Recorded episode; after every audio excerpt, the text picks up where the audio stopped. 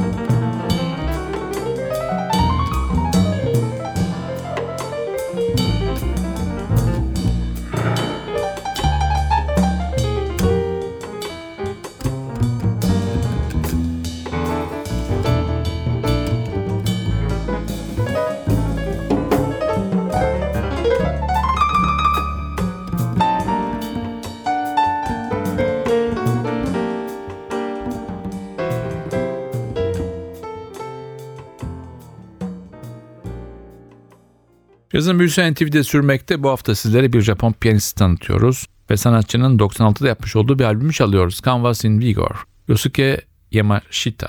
1942 yılında doğmuş bir sanatçı, aynı zamanda ülkesinde çok sevilen ve çok satan bir yazar. Sanatçının ilk enstrümanı keman. 9'dan 15 yaşına kadar kemanla uğraşıyor, 15 yaşında piyanoya geçiyor. 1959 yılında 17 yaşındayken ilk olarak meslekten para kazanmaya başlıyor. 62-67 yılları arasında da Kunitachi Müzik Koleji'nde eğitimine devam ediyor sanatçı. 63 yılında ilk kaydı Japonya'da yayınlanıyor. 69 yılında bir grup kuruyor. İlk üçlüsü Yosuke Yamashita Trio. Bu grupta Akira Sakata alto saksafonda, Takeo Moriyama davulda çalışıyor ve Avrupa turneleri yapıyorlar. Bilhassa Almanya ve Fransa'da çok ciddi bir beğeni ve taleple karşılaşıyorlar. 1983 yılında grup kendini dağıtıyor. Albüme dönüyoruz. Sıradaki parçamız After Blue. Sanatçının kendi bestesi.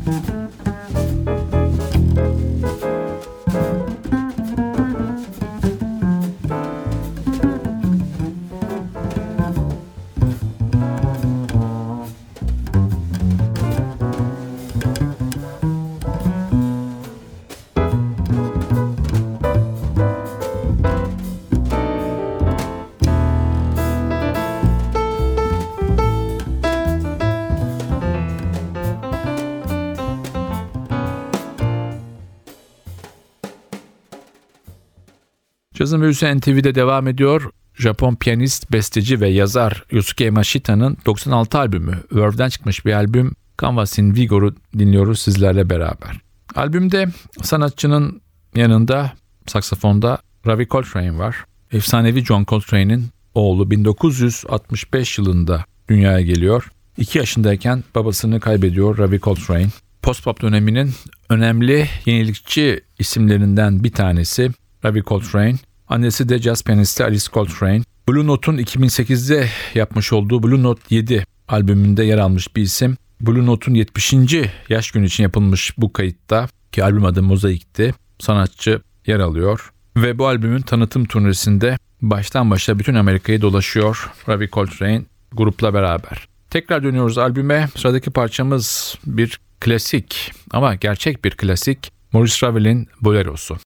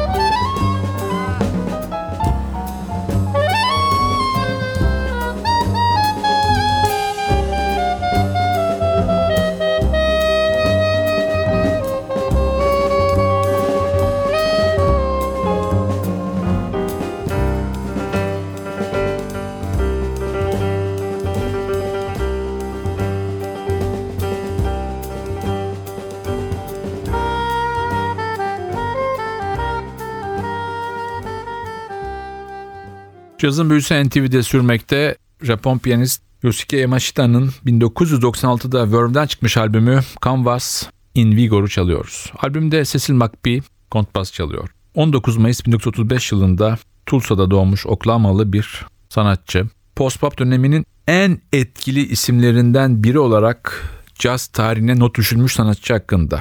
70'lerin başından beri kayıtlarda yer alıyor sanatçı. Kendi grup liderliği dışında birçok albümde de sideman olarak yer almış bir isim.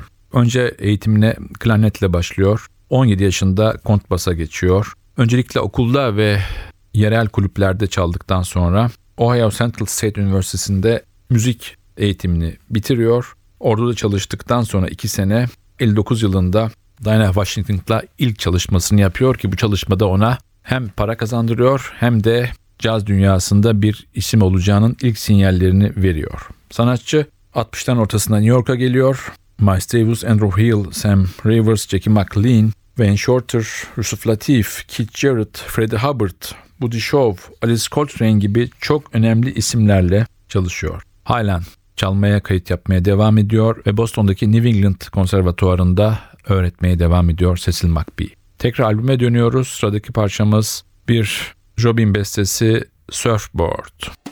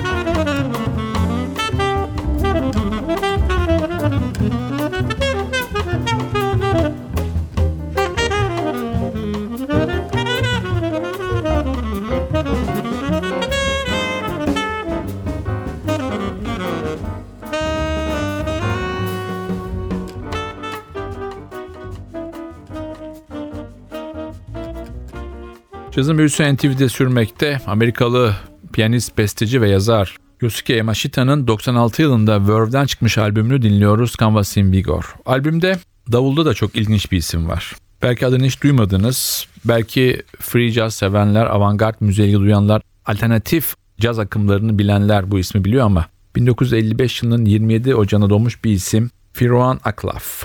Firoan Aklaf Detroit kökenli. Daha sonra Boston, Chicago ve New York'ta çalıyor. Çaldığı gruplar çok değişik. Travis Biggs, Ars Nova, The Ebony Set, Last Days ve Rod Lumpkin. Sanatçının free jazz'ın ideologlarından Anthony Braxton'la yapmış olduğu bir kayıt var. Ve uzun yıllardan beri de Japon piyanist Yosuke Yamashita ile beraber müzik yapmaya devam ediyor. Biz tekrar albüme dönüyoruz. Sıradaki parçamız yine bir Jobin bestesi Double Rainbow.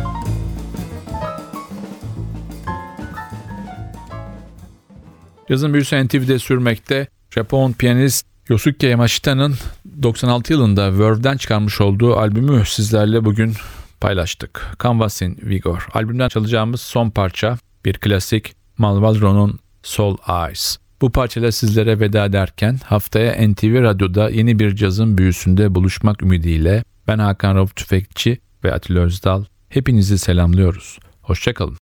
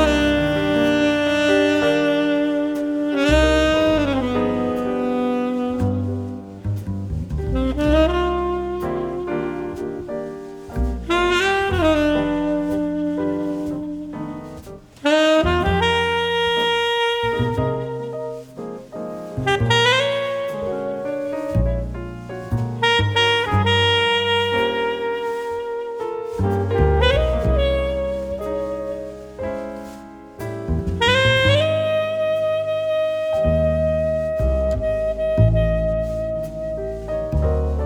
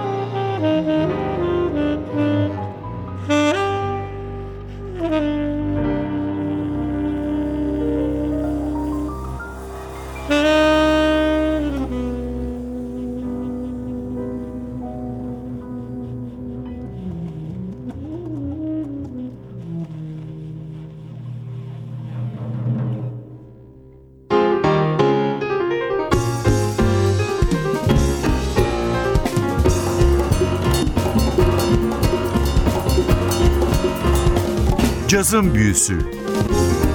Hazırlayan ve sunan Hakan Rauf Tüfekçi